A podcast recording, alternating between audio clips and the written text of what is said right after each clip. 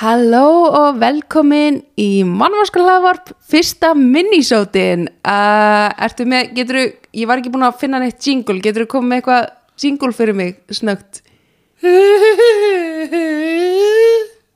Minnisót Ég vil nota þetta alltaf núna. Nei, ég er, þetta er fyrsti minnisótin, ég er með fyrsta gesti minn og ég gæti ekki verið ánæri með gest kvöldsins því að þetta er uppáhaldsgrínusti minn á Íslandi. Þetta er líka besti vinnu minn og meðlegandi minn og hann heitir Friðrik Valur Hákonarsson velkomin Friðrik Valur. Hæ, Hæ, þetta er hérna Friðrik Valur, við erum búin að vera að leia saman í hvað, eitthvað? 25 ár. Ár kannski. En hérna ég er mitt uh, hann er grínist eins og ég og við erum bæði í þessu, þú ert ekki það mikið í samt trú kræminu sko Nei, mér finnst það ógeðslegt og ég hef mínar skoðanir. Ég er samt þakklátt að þú ert mættur hérna og að tilbúin að tala um þetta í kvöld. Þú veist ekkert hvað þú ert að fara að lendi ég er ekki búin að segja hvað mál þetta er eða neitt svo Þetta leiðis var að myrða mig, þetta er plot twist. Mögulega. Nei, en ég, ég mitt hérna kynntist þér Friðrik vegna þess að hérna ég heyrði þig, þú varst gestur í hlaðvarpi og ég var að hlusta það og ég var að missa úr hlátri, ég var bara hver er þessi gaur, ég bara og ég sá þú varst uppistandur og mér langaði að vera í uppistandi og ég hugsaði bara þegar ég fór inn í uppistandi, ég bara ég verða að kynnast þessum manni, þannig að ég vona einhver hlusta á þetta í kvöld sem finnst þú líka að vera skemmtilegur og hugsar ég verða að kynnast þessum manni, ég bara gera eins og ég lappa upp á þig og segi vertu vinn minn. Æ, vá, ég elska hvað hann er góður í að hlusta á morð þú reyndar ekki að hlusta á morð í, í, í það skipti en þetta er í fyrsta skipti sem þú ert að hlusta á morð, er það ekki? Jú. Þetta er í fyrsta skipti sem ég er að hlusta á eitthvað svona morðmál eða eitthvað svoleiðis án þess að sopna mjög stutt eftir á. Ég skil þig, þú ert ekki mikið fan.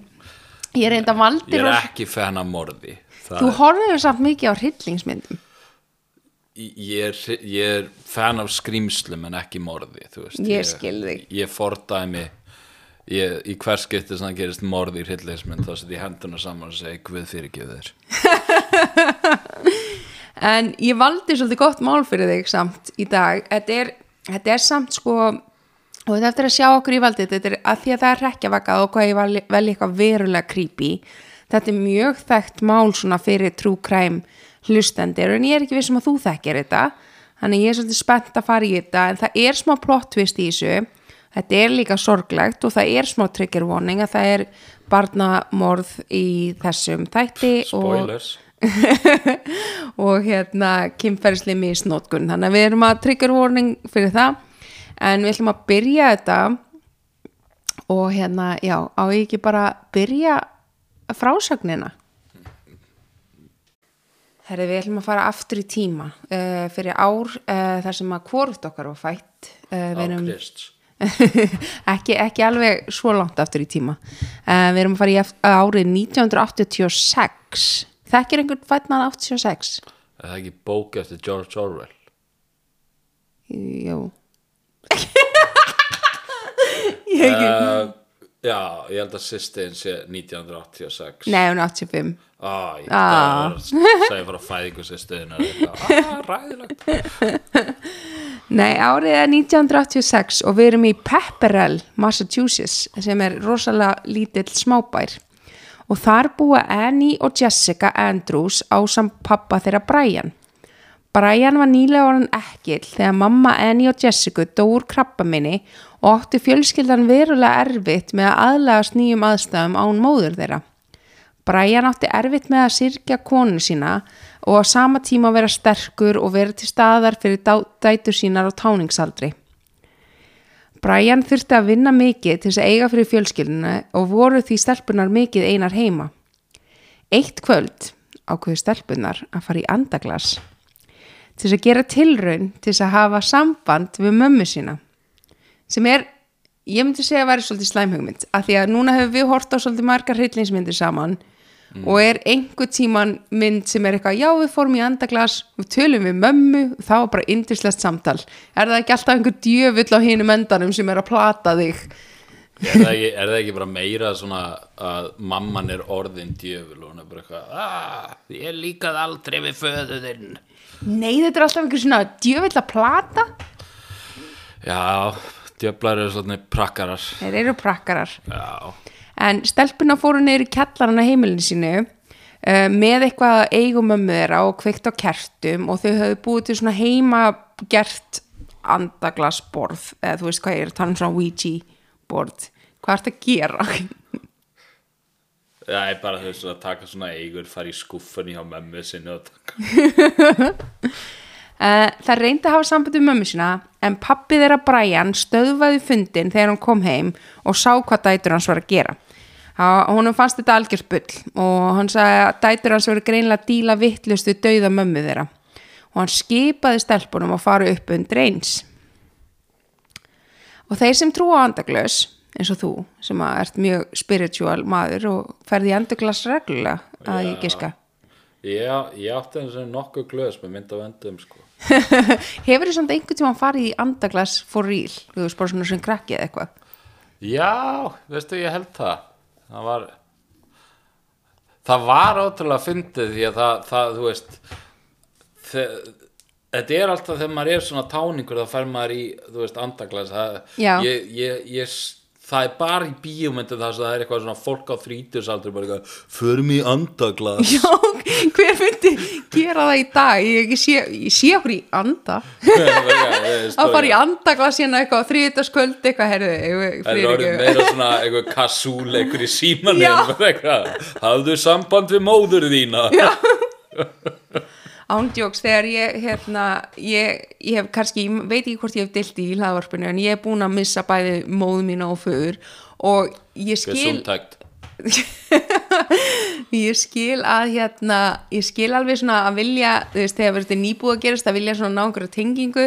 Ég reynda að vara hans eldri, ég var ekki táningur þannig að það er, ég skil að þær eru táningar og gera þetta, en ég samt alveg ég keifti mér þjónustu hjá netmiðli til þess að tala við pappa Hvað fréttablaði þá ég borgaði eitthvað og fekk eitthvað tilbaka eitthvað svona bref frá einhverjum erlendum netmiðli og ég skammast mér mjög mikið. En ég tók mjög mikla snart ég bara já hann hefur rétt fyrir sér. Ég hef ekki lesið þetta aftur yfir þetta er eitthvað, er eitthvað mjög kæftaði og Já, ég meina, þú veist, eru eiga þessi skilabóð eitthvað við núna, ég meina þetta var fyrir mörgum árum síðan og núna er fóldræðinu var að senda þér skilabóð í þá var það ekki þetta þá var þau bara að segja við erum vonsvíkin Þú ert allavega. með kvikmynda. Já. En allan þeir sem trúa andaglös og hafa kynnt sér þau eitthvað þá ættu þau að vita að þýðir að sér stelpunar lokuðu ekki fundurum að því að Brian kom heim og kallaði þær bara upp. Og ef þær kveðja ekki eða loka fundurum þá ef að það hef einhver andi náðu að trúið sér í gegn þá helst þessi andi í húsinu áttuðu sig ekki að því á þessum tíma og fóru bara upp og heldu áfram með lífið sitt. Þú heldur núna að þessi draugasaga. Þetta er ekki, þetta er, þetta er, þetta er, þú ert að fara að vera mjög hissa. Þetta hljóma meira bara eins og einhver saga um stelpur sem kunni ekki hvernig maður á að halda fundi Enda eru það táningar Einmitt, einmitt. En þær fóru bara upp og heldu áfram með lífið sitt en svo byrjuðu Annie og Jessica að taka eftir undanlegum hlutum að gerast að heimilinu. Þegar þær voru eina heima á kvöldin þá byrjuðu að heyra bank í veggjunum. Stelpuna voru hrættar en Brian útskýrði að þetta var nú gamalt hús og ekkert þess að hafa ágraf og stelpuna tóku þessari útskýringu en þeim fannst þetta samt eitthvað svo óhugnalegt. Hvað? Ég er strax bara að pappi, er að trolla þér bara eitthvað draugur í húsinu Bók, bók, bók, bók Ok, þetta er þín kenning, ég ætla ekki að segja á heima. Ég er í rauninni ekki með henni að vinnu. Bara nenni ekki að hanga með okkur. Um, Banki held áfram og stelpuna voru nú orðanar vissum að þetta hefði nú eitthvað að gera við mömmu þeirra á andaglasið. Þær byrjuðu að banka móti þegar heyri banki í veggjunum og byrjuðu svo að spyrja spurninga við veggin sem að var svara við, með böngum þú veist það, ég veit ekki, þær hefur örugglega sagt, ó, Eitt bankaðu tvís, já, Já. eitt fyrir já og tvís og fyrir nei.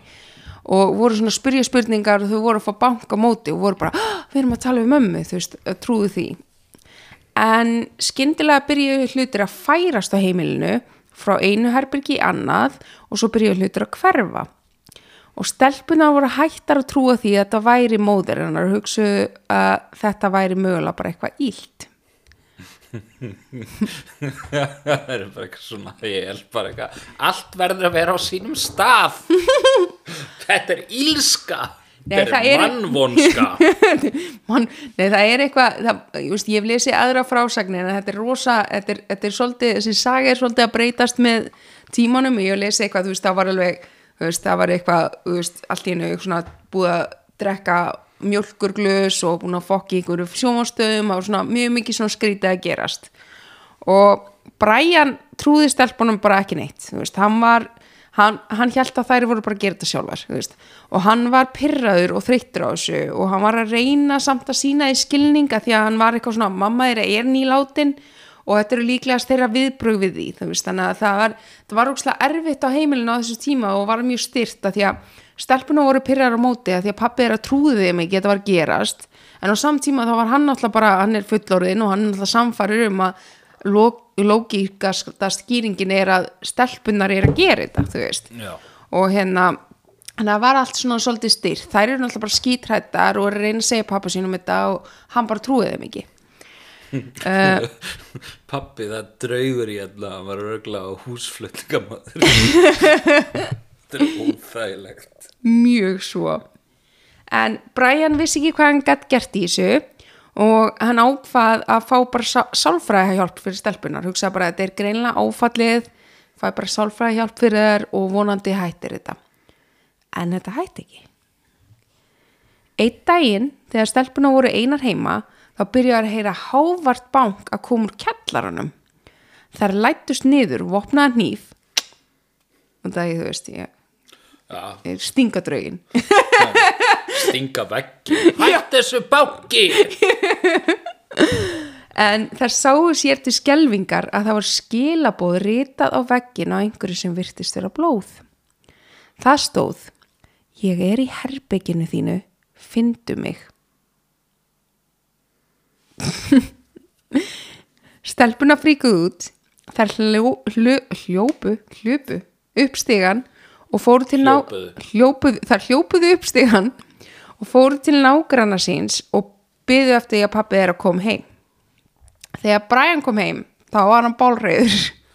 Hann var hann rosa pyrrar ég veit bara eitt stað sem hefur getið fengið blóð hætti að krota á vegginu meika þess að þeir eru krakkar með vaksandi en hann var bálreiður og hann sá það sem var skrifað á veggina og taldi að stelpunar höfðu gert þetta. Kom í ljós að þetta var ekki blóð þetta var, var tómatsós og majónes svona eitthvað koktelsós koktelsósa hvernig kann það ruggla koktelsósa við blóð? Já. Voru þær að banka vegginu með haustum á sig en, hann var vissum að, að stelpur hafa gert þetta og það var rifrildi þeirra á milli þar sem að Brian skipaði stelpunum að hætta þessu bölvaðu rugli. Ert þú að tengja við Brian í þessu, þessu, þessu sögu? ég er bara að tengja við það þegar þetta er svo, þetta er svo gamalt. Já. þetta er greinilega eitthvað svona 80s orði ég man að ég heyrði þetta þú veist þegar ég var krakki.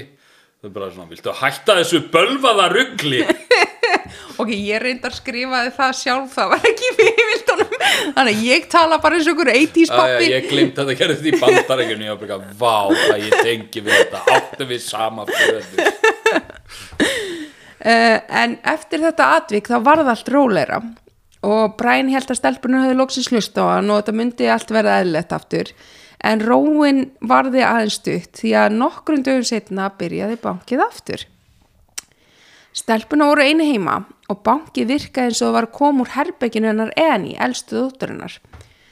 Stelpunar fóru upp í herbergi og sáu önnu skilabúa vegnum. Það stóð, ég er komin tilbaka, fyndu mig að þú getur. Rémulaði Og það var skrifað í remúlaði. Svo voru pulsur, nei. Stelpuna voru skelkar og það hlupu aftur út úr húsinu og fóru aftur til nágrannar sína hversu næs nágrannar, hversu pyrrandi er þetta er alltaf krakkar að koma bara, "Ah!" Það er draugur heima hjá nema, þú veist, að pappin og nákvæmnin er að vinna saman. Heldur, er það þín kenning núna? Mín kenning er að það er einhver hilarious. Heldur að pappin sé bara eitthvað ok, það er allt mjög sorglegt hvað ef ég ger þetta skeri og þá hætta þær að vera leiðar? Svona 80s, ég veit ekki hvort það hefur verið 70s eða 80s svona, ég, ég heyrði að þeir var að hlusta á djöflatónlist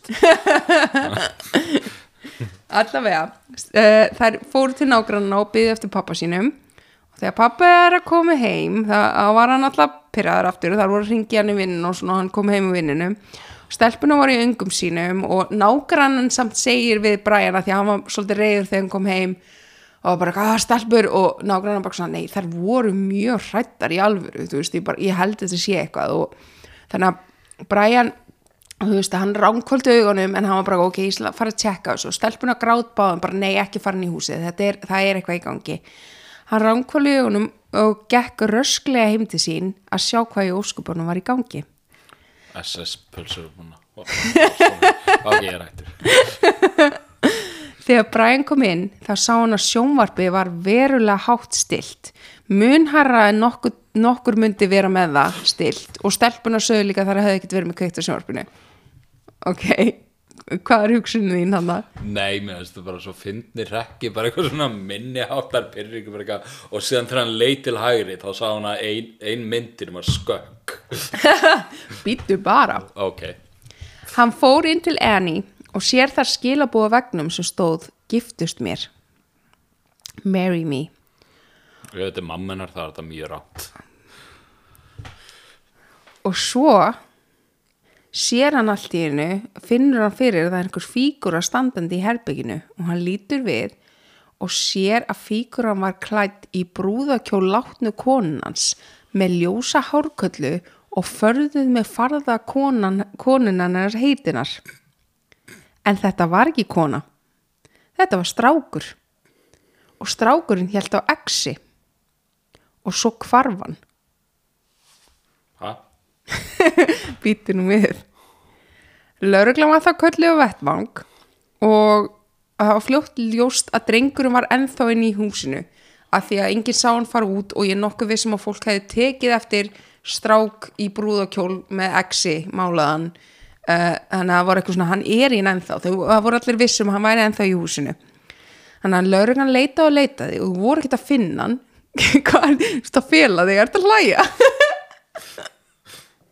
Bítu, bítu uh, en eftir alveg dágóðastund, þú voru ekki að finna hann þá fannst hann falinn í litlum skáp undir steganum hann var enn klættur í brúðakjóluna og með exina í hendi.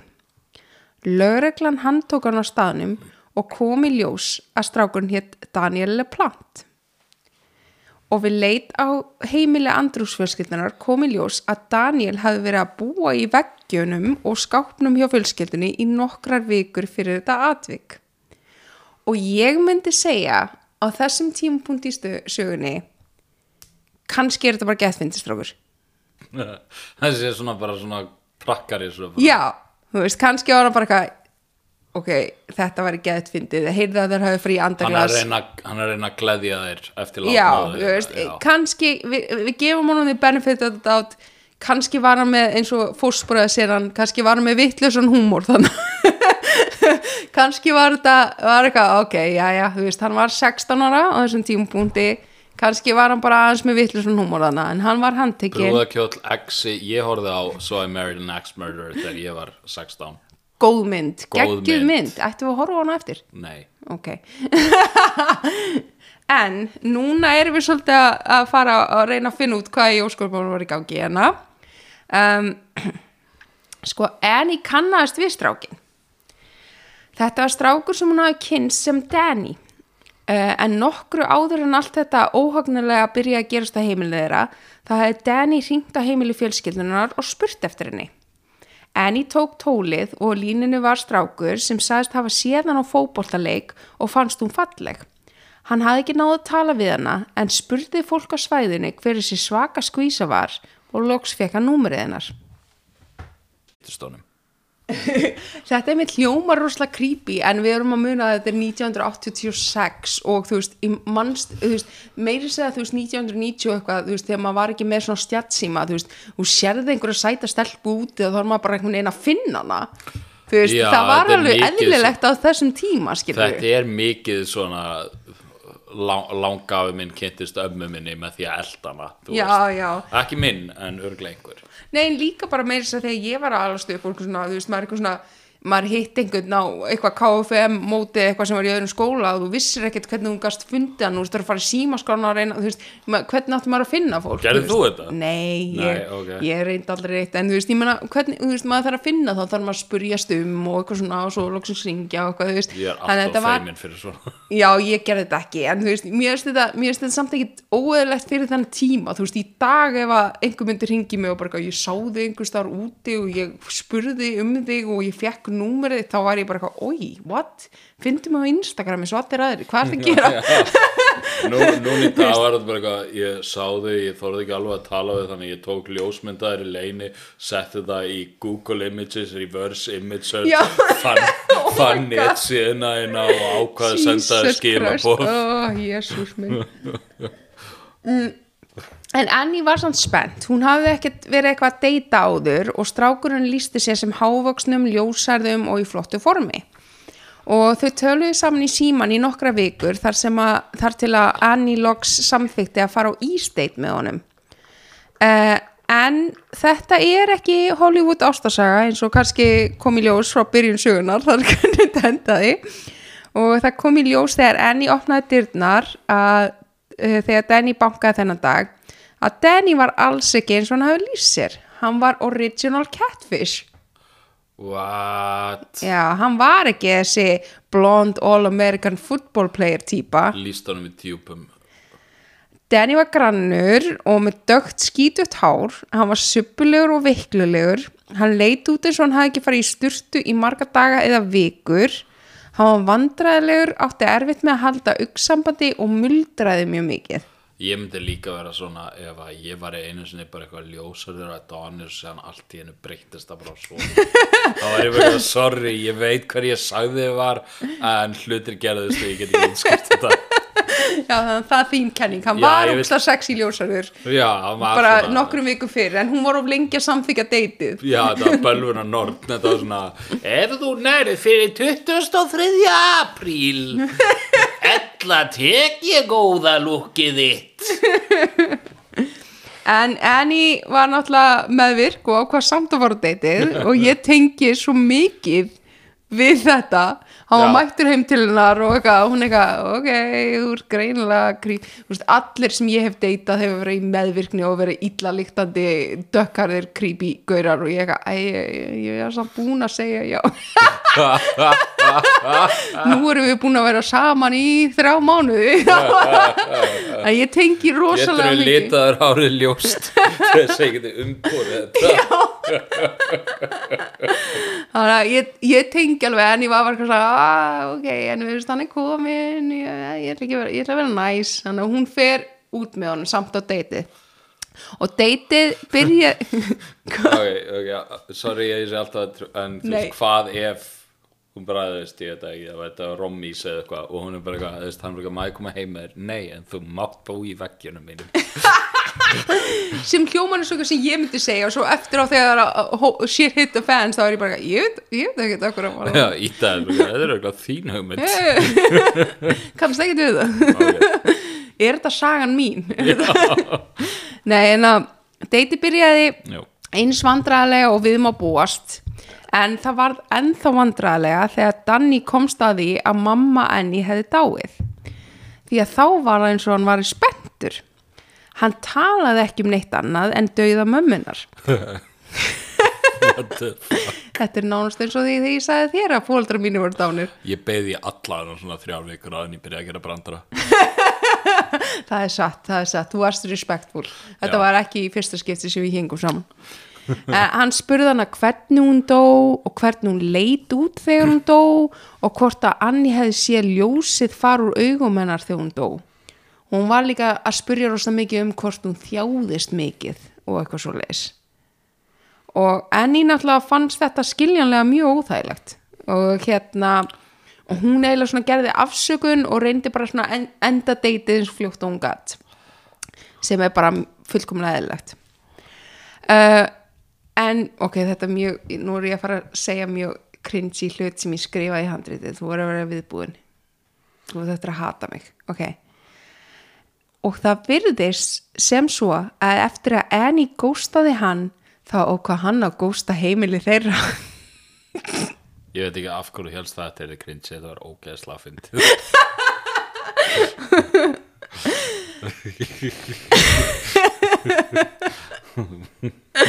En Daniel var handtekinn eftir þetta og þetta er allt voða creepy og þetta er óhugnalegt og þetta Já. hljómar eins og urban legend en þetta er satt Nei, eiginlega ekki what? Já, þetta er búin að vera saga sem að ég mitt nú svona þegar Bjóst ég... þú þetta til? Nei, nei, nei Ó, Ég, ég, heyrði, ég heyrði þetta það mikið eftir bæðu fyrir geðu Friðrik, þetta er að fara langur þáttur. En hérna en þetta er, ég heyrði söguna svona og ég var bara í sjokki og ég heyrði hann í mörgum podcastum. Ég las marga greinir um þetta og ég bara taldi að þetta já, hljóma eins og Urban Legend en væri sannleikur. En svo þegar ég fór að rannsækjandamál þá kemur í ljós að, að það voru allir bara að vitna í sömu heimildir sem eru aðra önnur podcast og aðra greinir, greinar og þetta gerðist nú bara ekki alveg svona. En raunverulega sagan er óhugnalegri en þessi flökkusaga. Þannig að núna ætlum við svolítið að fara í það og fara í alvöru sögu Daniel LePlante. Þetta er sagan sem er sögð í öllum podcastunum það vissulega er meira sem bætist inn í. En nú ætlum við að fara í bara í, í raun og veri hver Daniel LePlante er hann er alvöru maður. Það er alvöru atvik sem hann tengist sem eru creepy. En þá til dag. Og það er eitthvað til í þessu þessari frásögn. Og nú ætlum við að fara hans í líf hans. En Daniel átti ekki góða æsku. Uh, út frá frásögnum þá virðist eins og hann hafi verið misnotar í æsku af líffræðilega pappa sínum og öðrum manni í æsku hans sem var ekkert tekið fram hver var og skiptir yngi máli Uh, hann var lagður í einelt í skóla vegna þess að hann var skrítin og lesblendur og því talin heimskur. Og getur ímyndaðir, þú veist, 1980 eitthvað, þá var ekki alveg mikið skilningur með lesblindu. Og hann var með skelfilegt persónulegt hreinlæti sem í rauninni samt mér finnst ekki skrifast á hann það skrifast svolítið á fjölskyldun hans þegar hann er bann, þá eiga þau svolítið að vera sjá Já, það líka sko bara, ég get bara ímynda mér, þú veist, ef hann lendir í til dæmis misnótrun og eitthvað svoleiðis og bara með almenna mannlegan þegar kemur á alls konar hlutum og eitthvað Já. slíkt, þá er maður ekki beint alveg að hlusta, hugsa um hreinlæti, manni líður ekki vel Já. og hlutinum bara svona, þú veist, eh, hlutir hlæðast upp í kringum hann, mann langar ekki fram úr rúminu Nei. og þú veist og það, já, þegar maður mann líður ótrúlega illa þá er hreinlæti ekki endilega algjörlega ekki, þess vegna finnst mér einmitt þetta er ekki eins og eitthvað sem á að skrifast á hann af því að það eiga að vera fóraldra sem er að sjá um að passa upp á að hann sé hreitn og svona, en hann var sendur náttúrulega í skólan óhreitn og illaliktandi og þá náttúrulega var einelti í kjölfarið og, veist, og skólinn fór að taka eftir náttúrulega þessum hlutum og þau ákveðu að fá sálfrænt fyrir Daniel til þess að reyna að hjálpa honum með þessi málefni. Já, að hjálpa hann að fara í styrtu uh, ég veit þú sagði þetta sem brandari en því miður er það sem að eiginlega gerðist því að sálfræðingurinn reyndist honum ekki nógu góður og sálfræðingurinn misnotaði hann einnig. Nei, ég sagði akkur gáði hann ekki bara styrtu ég sagði ekki akkur var sálfræðingum ekki að styrta, það er grípi Nei, ok, Það, ok já, já, það er ekki góður sálfræðingur. Nei, það er hræðilegt. Þannig að einhvern veginn allir sem einhvern veginn er að, ég veist, hans kall ímyndir sem er að koma í lífið hans endur með að misnota hann, hann á virkilega erfitt. Og það er ekki verið að sjá Já, um hann. Og, og við getum líka sagt okkur það ef einhver er, fara, er að búa í veggjum í einhverja vikur að fjölskyldan þeirra er ekki að spá í hvað þau eru veist, það, þetta, þannig við getum svona séð ok- fyrir okkur um, heimilistæðstæður en Daniel fekk einnig mörg höfuðhögg í æsku en ekki er vita hvað gerðist en það gefið í skinn að var þú veist út að lélum heimilisafstæðum þannig að það var möguleik eitthvað ofbeldi líka í æsku einhverja heimildir eru fyrir því að Daniel og sískinni hans sváfu og skítum dýnum á heimilið þeirra á gólfinu og fóldra hans höfðu lítil sem engin afskipti af þeim. Uh, Daniel byrjaði ungur að brjótast inn í heimili í hverfinu sinu. Upprunalega var tilgangurinn að stela en Daniel byrjaði bara að finna það pílbóring eftir smá tíma og hann vildi meira svona þrill úr þessu en að brjótast inn og stela. Þannig að hann byrjaði að færa hluti til á heimilunum líka og gera eitthvað svona skrítidót til þess að fólk væri alveg vissum að einhver var inn á heimilið þeirra. Þú veist, hann vildi Já. gera þetta óþægilegt fyrir fólk. Já. og það er alveg staðfest, þetta er alveg satt. Þetta er ekki eins og fyrir parturinn á sögunni, þetta er, þetta er hluti sem gerðist Uh, en já, það er líka óstaðfestar sögursagnir um að hann hafi einhvern tímpunkti nöðgastelp í hverfinu en ég fann ekki nóg miklar heimildir um það til að segja það confidently hérna við þig.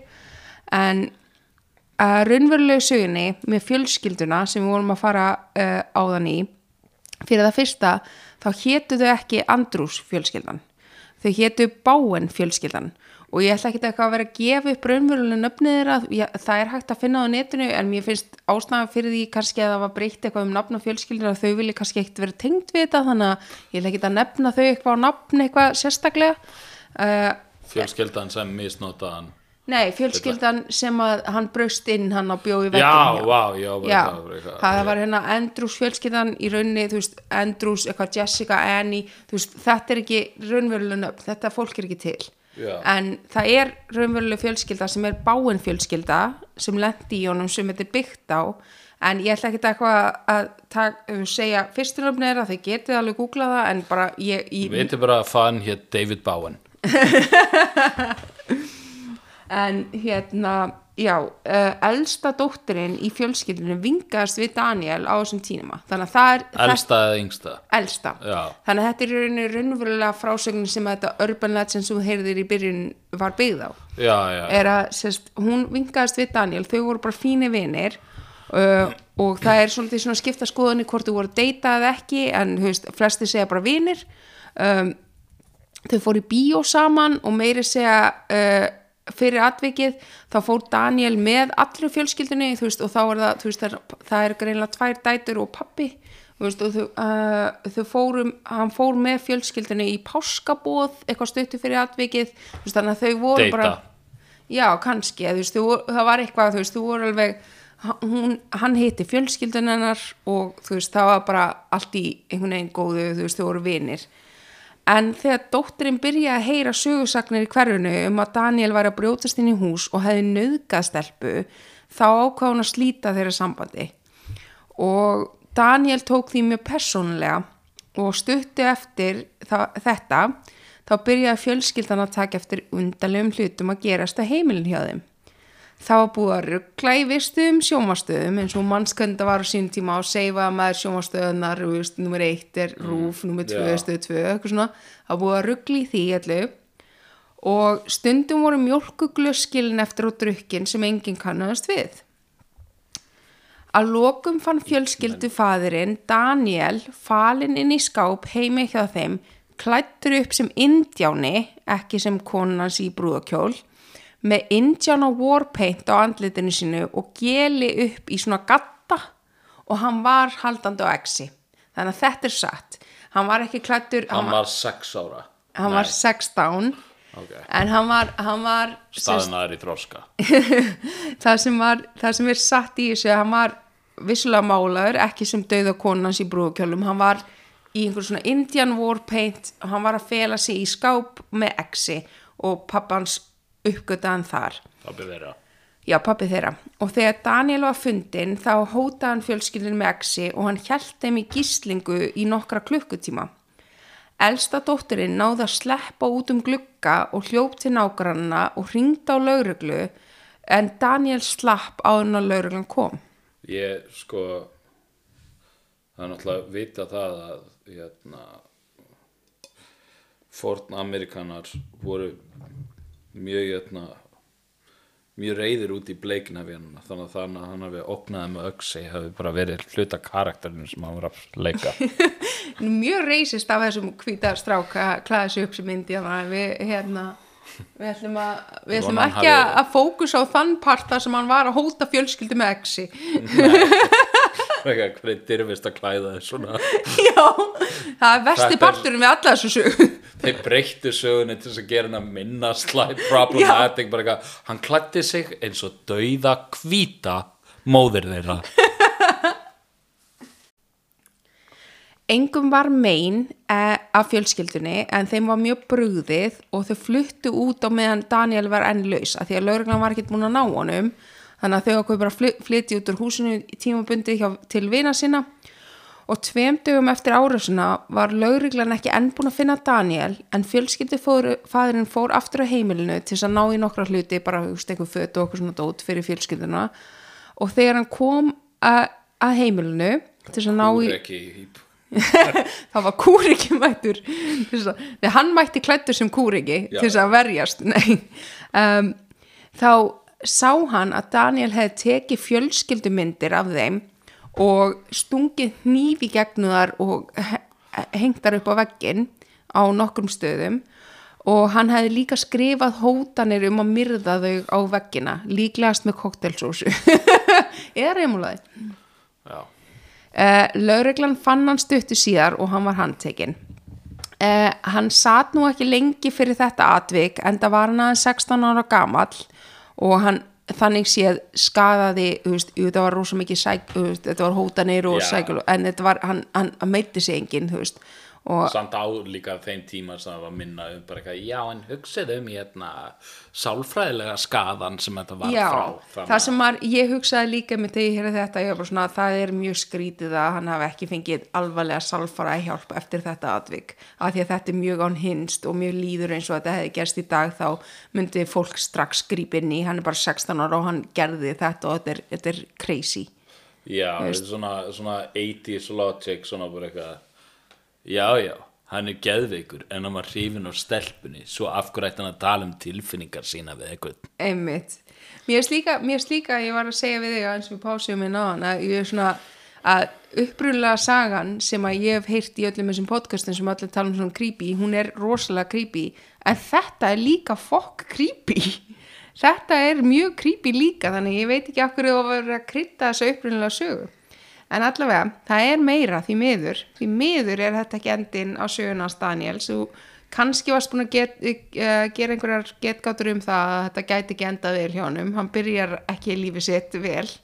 Nei, nei, það er ekki honum að kenna hvernig lífið hans byrjaði. Nei, nefnilega ekki, það er ekki honum að kenna. En það er honum að kenna ákvörðan sem hann tek, ta, tekur eftir þetta. Uh, en hann satt ekki lengi hann var komin uh, út innan við ári síðan og þá uh, flutti fjölskyldan hans í annan smábæ sem var ekki langt uh, í burtu og hann byrjaði strax að pikka upp í gamla hegðun hann byrjaði að brjótast inn færa hluti til, fokka hlutum upp þú veist, það var bara svona ennþá í sama bara svona calling kartið hans Já, þetta er svona eitthvað sem hann var. Hann braust inn hjá nágrunn með eitt skipti og hann stál tveim byssum. Það er hættulegt og escalation. Hvað ætlað þú að segja? Þú ert að Æ, flissa. ég er bara út að vorum að tala um svona calling kart og eitthvað svona bara Zodiac morðingin Daniel Hann er að fara- hann er að fara að verða svo- Hann færðir rúmið Hann er að fara að vera svo miklu verið fyrir þig. Ok, ok En 16. november 1987, 16. november, það er nákvæmlega sjö, þú- sjö mánuðum eftir ég fættist. Ég er hérna sjö mánuða gömul á þessum tíma bara til þess að ímynda þér ég sem barn. Ég kenni þér ekki um þetta En þá braust Daniel inn hjá Gustafsson fjölskyldunni sem var uh, nágræða þeirra. En Gustafsson fjölskyldan uh, var Andrew Gustafsson sem var einn af tveim lögfræðingum í smábænum, þetta var það lítill bær. Og ólétta konans Priscilla, hún var leikskólakennari og börn þeirra tvö, Abigail sem var sjóra og fimm ára William. Og nú er sagan að fara að vera mjög sorgleg. Þannig að brace yourself.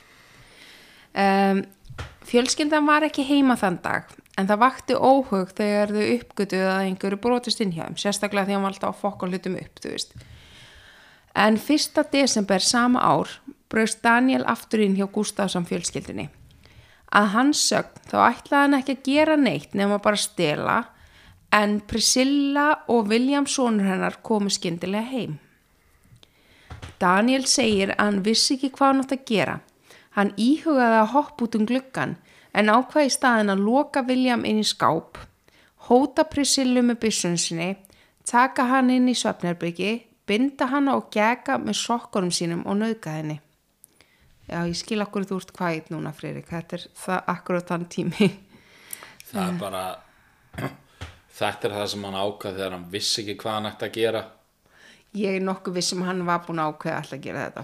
Hann var örgulega vonað að einhver væri heima Já, þetta var miða við hvað hann var e, búin að, og stelin sem byssum, hann mætti með hana, það, það er nokkuð viss að þetta var ekki, eða þetta er sem hann sagði, þú veist, eftir á. og með hvað hann er skítur þá er örgulega ógeðslan batana með sokkunum sin Ó, guð, já, ég var ekki eins og ekki að það í sé vesti hlutur Nei, púf, ég var ekki eins og búin að hugsa út í það. Uh, þegar hann var búin að því, þá skautan hann tvisar í hausinn og tók William úr skápnum og drekt honum í baðkarinu. Og hann var fimm ára gamall. Og þetta er virkilega sorglegt. Nú erum við allt í hennu ekki, ekki brosandi. Um, þegar hann var að fara, þá kom Abigail heim úr skólanum, sjöra gömul Abigail, heim úr skólarútunni þannig að Daniel fór einni með hann upp í baðherbyggi og drekti henni líka. Eftir það þá fór Daniel bara heim og mætti í afmæli hjá litlufrængusinni. og drekti henni líka Reyndar ekki. Um, en Andrew, sem sést pappin, hann byrjaði að ringi Priscillu þennan dag að því að hann hafði lokið stóru máli og var okkur stoltur að því og hann ætlaði að byggja um, hann um að finna barnposti kvöld að því að hann langaði að taka hann út steit. Þetta er mjög sorglegt. Hann langaði að hann var að ljúka stóru máli og var að að ringja hann og segja æ, rettaði barnposti, ég ætla að taka út að deit í kvöld og fagna, þú veist. Og, en hún svaraði ekki og hún fannst það mjög skrítið og mjög ólíkt en hann ringdi alveg ítrekka og hún var ekkert að svara þannig að hann brunaði heim og þegar Andrew kom heim þá sá hann fyrst Priscillu og hún var látin í rúminu. Hann gekk beinustileið út og ringdi á laurugluna og hann var setna gaggríndur fyrir að hafa ekki leitað á börnunum sínum í húsinu en Andrew svaraði setna að þegar hann lappaði inn þá fann hann bara kyrðin í húsinu. Þegar hann sá Priscillu þá bara viss hann að börnin sem voru dáin og hann langaði ekki að uppgöta það sjálfur þú veist. þannig að þú veist líka þú veist fuckið ykkur að gagri það er búin að myrða konuna hans bara eitthvað að fer ekki að okkar er fast ekki að leita af batnunum nákvæmlega. Bara eitthvað þú veist bara eitthvað hver er, eru þínar forgangsraðir? Nákvæmlega. Að því að þetta er tekið fram í bókstala öllum greinum. Bara eitthvað að hann hafi ekki farið að leita að börnunum og maður eitthvað svona hann, veist, vildi hann lappin á það ef ekki að mert fjölskyldur á mina ég hef strax alveg að leita Já, veist, hann bara var í sjokki, hann lappaði beinslega út, hann vissi, hann vissi að börnin hans voru dáin líka en hann bara vildi Því- ekki, hann hafði ekki í sér að þurfa inn á það, þú veist, það er bara fullkomlega skiljulegt og ég, það er, já það er rétt hjá þér, það er úkislega weird að vera með einu svona að tala um það, af hverju eru að pæla í því, eitthvað, þú veist, hafði maður sem bara var, fara heim til konu sinnar, fjölskyldan hans ég gekk vel í vinnunni. Já, og núna eru við eitthvað svona, okkur fórst ekki að leita við, veist, hvar að, hann hefði ekki getað bergað um hvort þið er, þú veist, en, vá, þetta er ógslag góða punktur, nú er ég ógslag reið, okkur er þetta tekið fram í hverju einustu grein, bara þessi viðbröð, oh, það er eitthvað victim shame algjörlega. Lögreglan, er ekki að taka upp? Jú, ok. Lögreglan gruna Daniel strax, en það, þú veist, ég meina, það sem kom mér á þau óvart fóru inn og sófin var á sínum stað bara eitthvað, þetta var Daniel Já, nei, það sem ég fannst að því að það var búið að vera svo- brjótast inn svo mikið í þessu hverfi, þú veist, lilla smábæ eftir að þessi gaur flutti inn sem var handtekinn fyrir fókt og plut, mér líður eins og það hefði verið geta gripið inn fyrr út af öllum þessu umbrótum en þú veist, að því að þegar þetta kemur upp þá byrja að hugsa löglega strax bara gæti öruglega að því þau voru með hann á radarnum fyrir þessi umbrót no. þannig að þau uh, grunuðu Daniel strax og þau fun, fundu hann á bókasafni nálagt, þar sem þau spurðu hann já, ég veit að mér stað líka að fyndi ha, morð, nei ég þarf að lesa þessu rosalega merkilegu bók Daniel, bókin er á kvolfi það er erfiðar að lesa svona veistu, það er virkilegt merki um greind að geta að lesa þetta aftur á ég hef veit hugsað þetta líka ég, svona, eitthvað svona, það er svo fyndi eitthvað svona, ó, ég, bara, ég, ég var bara að bóka safninu hvað gerir eðlilegt fólk? Mm, við erum lesum. Ég finn ég elska að þú gerir svona beinröð lesum Batman En þið fundi hann á bókasafninu og spurði hann nokkra spurninga. Og Daniel náttúrulega kannast bara ekkert við það, þú veist að hann hérna, Gustafsson já, ég veit ekki hvað er tala um. já, já, já, Annabelle og Butzer, sagði 5-7 ára ég sagði ekkert slíkt. Hm, ég er að giska. Ég hef ekki heyrt neitt um þetta Nei, en hann, hann neitaði náttúrulega öllu og lögregla var náttúrulega ekkert á þessum tímpúti með hennar sannan, þau voru bara að spurja hann þannig að þau leiðu nú náttúrulega bara að fara. Uh, en hann hrættist náttúrulega greinilega mikið við þess að, að lögreglan kom strax til þess þannig að hann fór á flótta. Þannig að lögreglan fór að rannsaka þetta og reyna að finna sannanir sem þau vissulega fundu, það voru helling af þeim. Uh, já, uh, meðal annars og byssan fannst heimi hjá honum það er alls konar, alls konar. Um, hann, hann fór að fljóta og á flóttanum þá réðst hann á an- aðra konu og stálbílnum hennar uh, og það var bara risa manhunt en það var Daniel talin einstaklega hættulegur og þau voru bara hrættu um að hann myndi bara vera að leita af næsta fórnanabi og hann fann loks í ruslatunnu þar sem hann voru að fela sig. Fórnalamb Nei, Nei, já, hann. Daniel og hann var handtekinn. Og það sem ég finnst áhugavert við það að hann fannst í rustinu er hérna að hann var að fela sig og bú- búa hann í skápum heima hjá henni fjölskyldinu hana. Ég var að velta fyrir mér ætli hann hafi verið haldinn í litlum rýmum heima hjá sér í æskunni? Mm. að því að húnum greinlega finnur komfort í að tróða sér í einhver svona einhver ruslatunnu í litla skápu eða þá að þetta hafi verið staðir sem hann hafi falið sig frá sinni fjölskyldu nákvæmlega svona það, bara skápar og eitthvað svona bara, hvar er helviti strengur og síðan Já. svona er hann bara eitthvað svona hann svona finnur öryggi og síðan ef við tökum þetta ennþá svona ennþá uh, meira frá þá þú veist tala um þú veist svona lítil rými minni þú veist eins og leið eða slíkt. Já, svona, svona öryggi- öryggistilfinning áður en allt er- fokk. og það er ekki, þú veist, það auðvitað er ég ekki að gera afsakanir fyrir það sem hann gerði, augljóslega var þessi glá, glæpur ógeðslugur, viðbjóslugur og bara hræðilegur. En, en maður, maður getur ekki alveg hort framhjá því að það er greinilega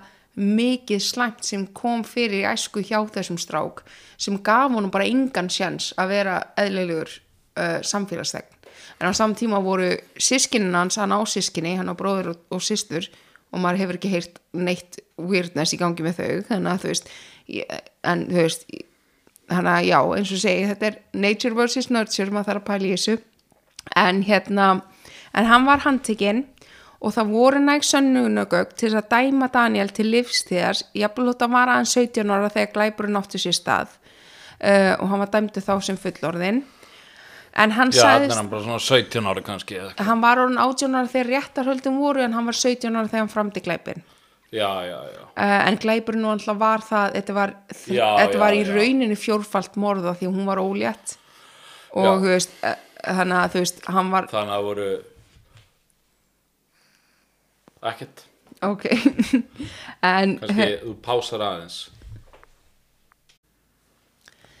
ástæðan sem ég pásaði var að það sem Friðrik saði var mjög fyndið en mjög óveðandi og ég er mjög fegin hann saði þetta ekki í loftinu. En ef þið vilja heyra þennan óveðandi brandar frá Friðrik þá finnið hann einhvers þar nýri bæ á Dublinir eða eitthvað en hérna en já það voru næst sönnunagögg til þess dæman og hann var dæmdu til lífstíðar hann talaði um að hann var ekki segur og þetta hann hefði bara verið í móðu þegar þetta gerðist. En þú veist það er rosa já hann var það var bara eitthvað svona móða hann sá, veist, það var bara já, svona bara svona, að ég mani þetta alveg hvað gerðist. Já, en, en þetta er, veist, en það náði samt að sanna það að það var ásetningur og plan og að dómarinn hafði orð á því að þetta var ekki bara ein gjörð frá Daniel sem olli dauða af þrejum veist, Það var ekki eins og hann var að keira fullur og hann keiriði á og það dói þrjár, þrjár manneskjur.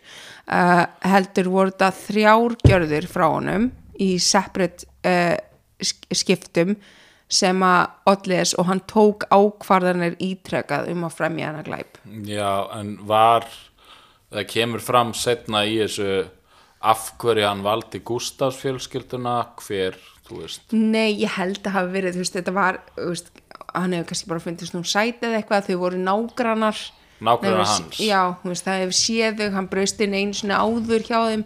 Hann hefur kannski bara svona, þú veist, þú veist að, að, að var ekkert eitthvað svona hann hefur aldrei almennilega játað, hann hefur líka al, ekki almennilega sínt yðrun þú veist, hann gerði það ekki réttarhöldunum. Uh, hann hefur reynt að áfrýja náttúrulega sem fullunum mannski hann er náttúrulega búin að sitja inni núna í 40 okkar ár skilur og eða hvað, það var 80 og- að sé, jú, já, og hérna Hvað ert þú, gömul? ég er ekki 40 ára þannig að þetta meika ekki sens en Nei. 30, 30 og eitthvað ár. Og hérna Það Og ekki hann segja hefur- hversu mörg 30 eitthvað ár. Nei, ég ok, hann hefur, þetta var glæpurinn var í 87, þá var það 36 ár sem hann hefur sittið inni og eða, veist, nema að það hafi verið árið, eh, árið eftir var 35 Það er rétt fólk, aldrei spyrja konu hvað hann er gömul, láta hann að segja það sjálf. En hérna en hann hefur sittið inni og veist og hann hefur reynt áfrýja og, sérst, og hann hefur þá eitthvað sínt yðrun en það virkar eins og hann sé bara reyna veist, að úr fangilsi það var engin, það var engin almennilega að kaupi það Það er náttúrulega búið að byggja mjög mörg hús síðan 1987 en hann er í fangilsi í dag og hann er með rök að það sé ósangjart að dæma einhvern undirlugaldri til lífstíðar án sjans á að bæta sig. Og ég er sammálaði þú veist, ég er, er sammálaði þú veist, auðvitað þegar maður heyrir þetta þá vill maður ekki að þessi maður færa að fara aftur á götunar en ma þegar maður hugsa líka um það að það er ókslega, þú veist í bandaríkjunum þá er þetta refsikerfi ekki betur um bætunarkerfi Nei, veist, nei, og þetta hann he, þú veist, og, og maður vill auðvitað alltaf að fólk hafi sjens á að bæt, sérstaklega þegar hann er svona ungur veist, og hann átti þessa æsku og, og það var talað um að aðstæðan hans í æsku var eitthvað sem hann hafði ekki stjórn á, sem er rétt. Hann hafði ekki stjórn á hvernig hann var alin upp og æskun hans. En þegar þú ert komin á það að þú ert, þú veist, það, er, það kemur tími samt, það sem, ok, þú býr samt ekki þarna, vissulega fekk hann ekki þá hjálp sem hann hefði þurft að fá til þess að vinna úr sínum áföllum og, og, og slíkt, en eins og, eins og segir, hann er, hann er ekki að sína mikið upp á yðurinn þetta er meira bara svona, hi, come on, please, en ég hann er nefnilega búin að vera með vesen í fangelsinu. Já, þú sagðir eitthvað að hann var í hann var í jerk. Hann, hann er búin að vera pínu jerk að því að veist, hann er búin að vera með vesen. Auðvitað er hann alltaf alltaf að að reyna læðast í klefana hjá sem að færa öruglega, þú veist, en það kom ekki fram. En hérna, en hann er þú veist, hann er veist, hann er að reyna náttúrulega að komast út og, og hans rök eru, ég hafði ekki ég hafði ekki, ég gæti ekki stjórna minna æsku og, og það hafði verulega áhrif á mitt líf og ég fekk ekki sens á að fá hjálp og betra mig og ég er alveg sammálað þessu in theory, þú veist. Auðvitað, þú veist, það meikar alveg sens en hann Hann 5 ára barni og 7 ára barni. Já, tveim börnum og drap konu þú veist, og það er, það er rosalega erfitt að horfa fram hjá því. Og það er, þú veist, auðvitað.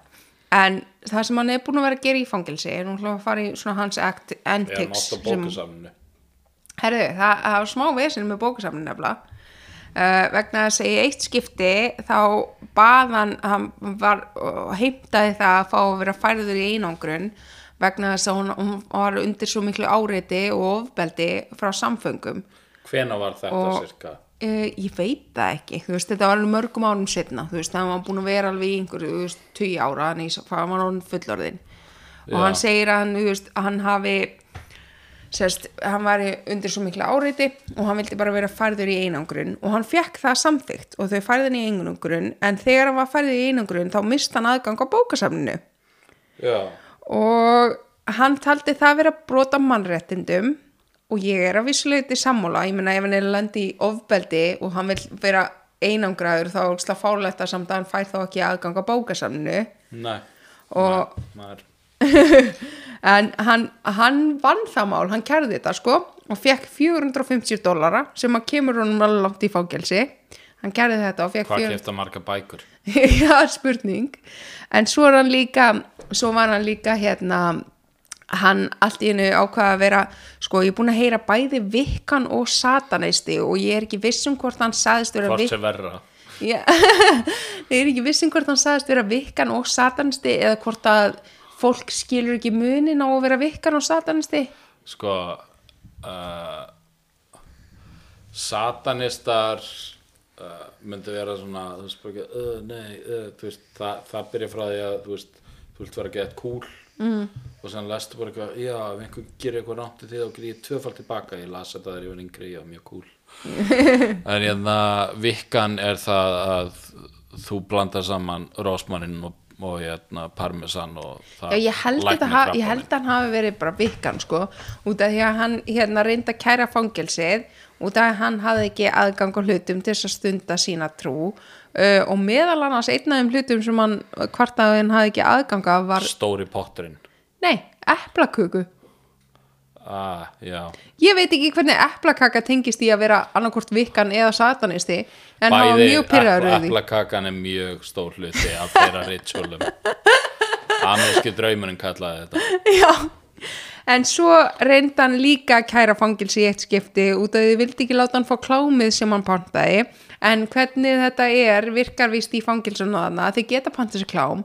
En það er bara svona ákveði klám sem að fangilsin ákveða að séu appropriate og hann greinlega pantaði eitthvað sem þeim fannst ekki appropriate og mig langar í það starf að vera að fylgjast með klámunum og ákveða, já þetta er klámið sem að er í lægi en ekki þetta.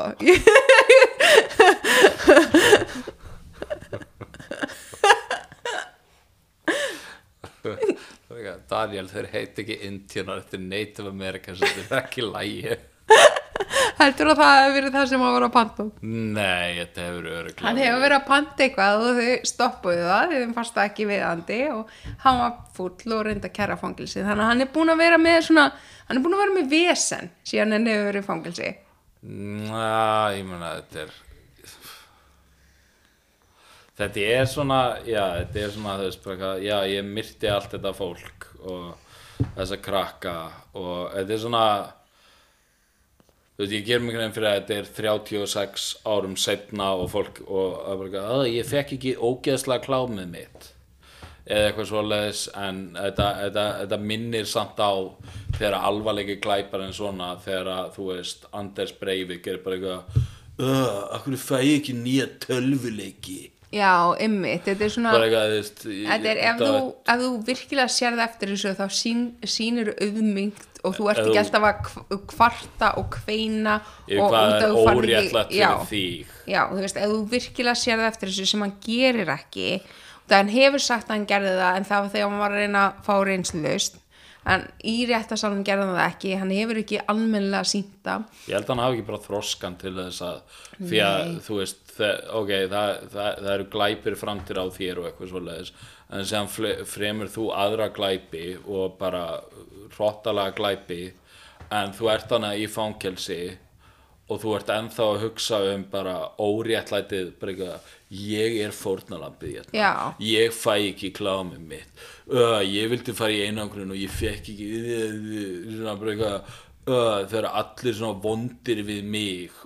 Og hvað, kannski hefðu þau bara dáið það sjálfur þetta er svona bara Já, svona, þú veist, bara að ég maður getur alveg sínt vorkun fyrir barninu sem hann var þegar hann lendi í öllum þessum hlutum og þetta var verulega óréttlætt það sem hann lendi í æsku. En margir aðrir og ég ætla að koma inn á það actually núna, bara smá weird segway ég er ekki að bera þig saman við Daniel LePlante en smá, byttu Nei, ég ætla nú alls ekki að bera þig saman við Daniel LePlante en, en, en þetta er það er gott, ég heiti Friðrik. Það er eins og líkt. Það hljómar ekki eins.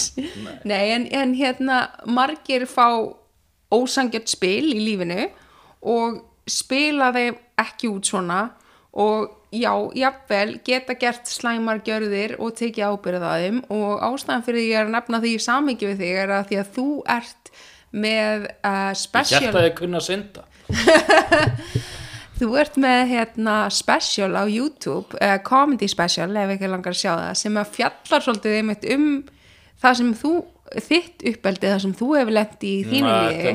þetta er meira svona setni partin af mínu lífi. Já. frekar heldur en mitt uppeldi. Þetta er meira þannig að þarna voru falsfréttir Lovisa Nei, þetta, Nei, þetta er svolítið svona þú veist, hvað leiðir að hver þú sem þú ert Já. og hvað þú hefur lent í þínu lífi til þess að vera sá sem þú ert í dag og hérna og þetta Vissulega. hljómar ekki fyndið alls ekki þegar ég er að segja þetta núna en þessi special er bráðfyndin og hérna og hann heitir Clean og er á YouTube Friðrik Valur Clean og þetta sagt snýst um það hvernig ég er ekkert eins og Daniel því að ég fer reglulega í styrt og líkt ekki illa gerði það ekki alltaf ég man eftir táfílu tímubilinu þínu ah, Vá, talandi um það Hvar eru sokkarnir okkar? Ég veit það ekki, þetta er stórt vandamál á heimilinu okkar. Mér finnst alltaf eins og ég sé að þrýfa sokka en þeir eru aldrei hérna. Já, Ég veit ekki hvað er að gerast. fjölbíli Já, ég heldur að þetta sé nákvæmlega að fara í þurrkarun okkar. Nei, farið þótt að vera og stela sokkurum Já, hérna uh, ég mæt líka að plugga ég er líka með Instagram síðu til einhver meira svona comedy sem heitir bara Friðrik Valur Comedy ég posta mm, mjög oft bröndurum eða klippum úr uppistandi Já, við postum mikið af okkur, veist, ég posta þér og þú rís postar mér, veist, við, við erum rosa, við erum alltaf bara bestu vinnir, við búum saman og við erum svolítið svona comedy partners ef að, ef að ég ætla að orða það þannig. sem posta ég líka, þú veist einhverju, þú veist, ef ég sé eitthvað fyndi mím eða eitthvað Já, þú ert rosa duglegur í mýmum, sko. Já, ég meina, þú veist, ég get ekki verið hilarious all the time en ég get deilt gleðina sem ég sé í heiminum. Já, og munurinn kannski á mér að þér er að ég hef átt svolítið erfitt með að þegar ég hef verið að fá svona skilabóð og fólk er eitthvað svona að rósa mig fyrir podcasti eða uppistandi mitt eða eitthvað hannig þá fríka ég út og ég meik ekki að svara neinum. Og ég, meta fæ þetta. engin svoleiðis. Já, það er munurinn, þú fara aldrei Nei, nei en þú, þú, ert, þú ert approachable, það er hægt að tala við þú ert ekki með, þú ert með öðruvís kvíða en ég. Og hérna og þannig að endilega bara followði Friðrik Valur Comedy á Instagram og ég mæli svo mikið með að kíkja á uh, specialnans clean af því að þetta var veist, ég sá þetta live þegar þú gerðir þetta á Reykjavík Fringe fyrir hvinnar var þetta?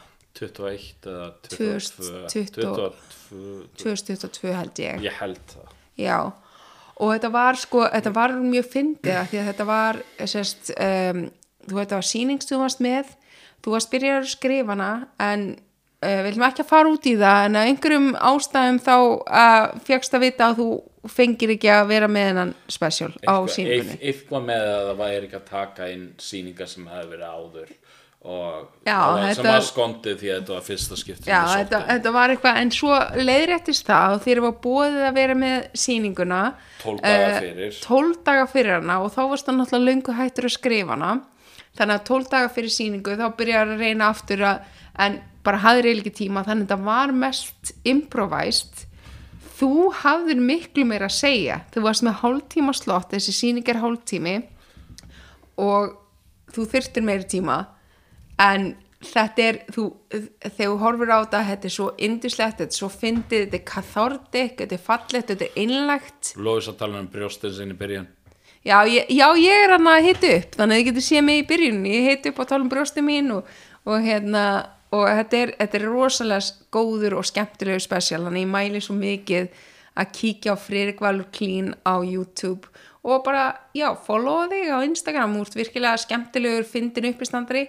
Og það er yfirlegt að sjá þig í Dublinar kjallarunum uh, klukkan nýju á sunnudum og þriðudum yfirlegt Já, Er eitthvað meira sem þið langar að plugga og segja?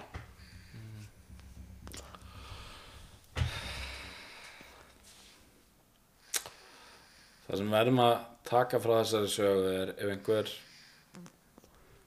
Nei, veistu, ég ætla ekki að enda þetta brandara hérna. Herðu, bara takk aðeinslega fyrir að hafa mig í þáttinum og ég, ætla, ég ætla að fara að horfa á einhverja ræðilega leðilega mynd og fara að sofa. Ok, ég ætla að hætta að meðvirkningsdeita illa líktandi dökkar að gauðra. Já, gott. Ég verð ljósarinn næstu viku. Takk fyrir mig og já, fyrsti minnisóttin minn, ég er rosalega ána með það, fyrsti gesturinn minn og já, minnisóttin verða meiri svona léttu nótunum, þetta var, þetta er erfitt að þetta er hefi mál en hérna, ég vona að þetta var nógu skeri fyrir ykkar uh, rekjavöku og ég segi bara gleðlega rekjavöku, ætla þú að segja Ég ætla bara að segja Bú Titilag eftir Magnús Jón Aðarstensson Magnús Þór.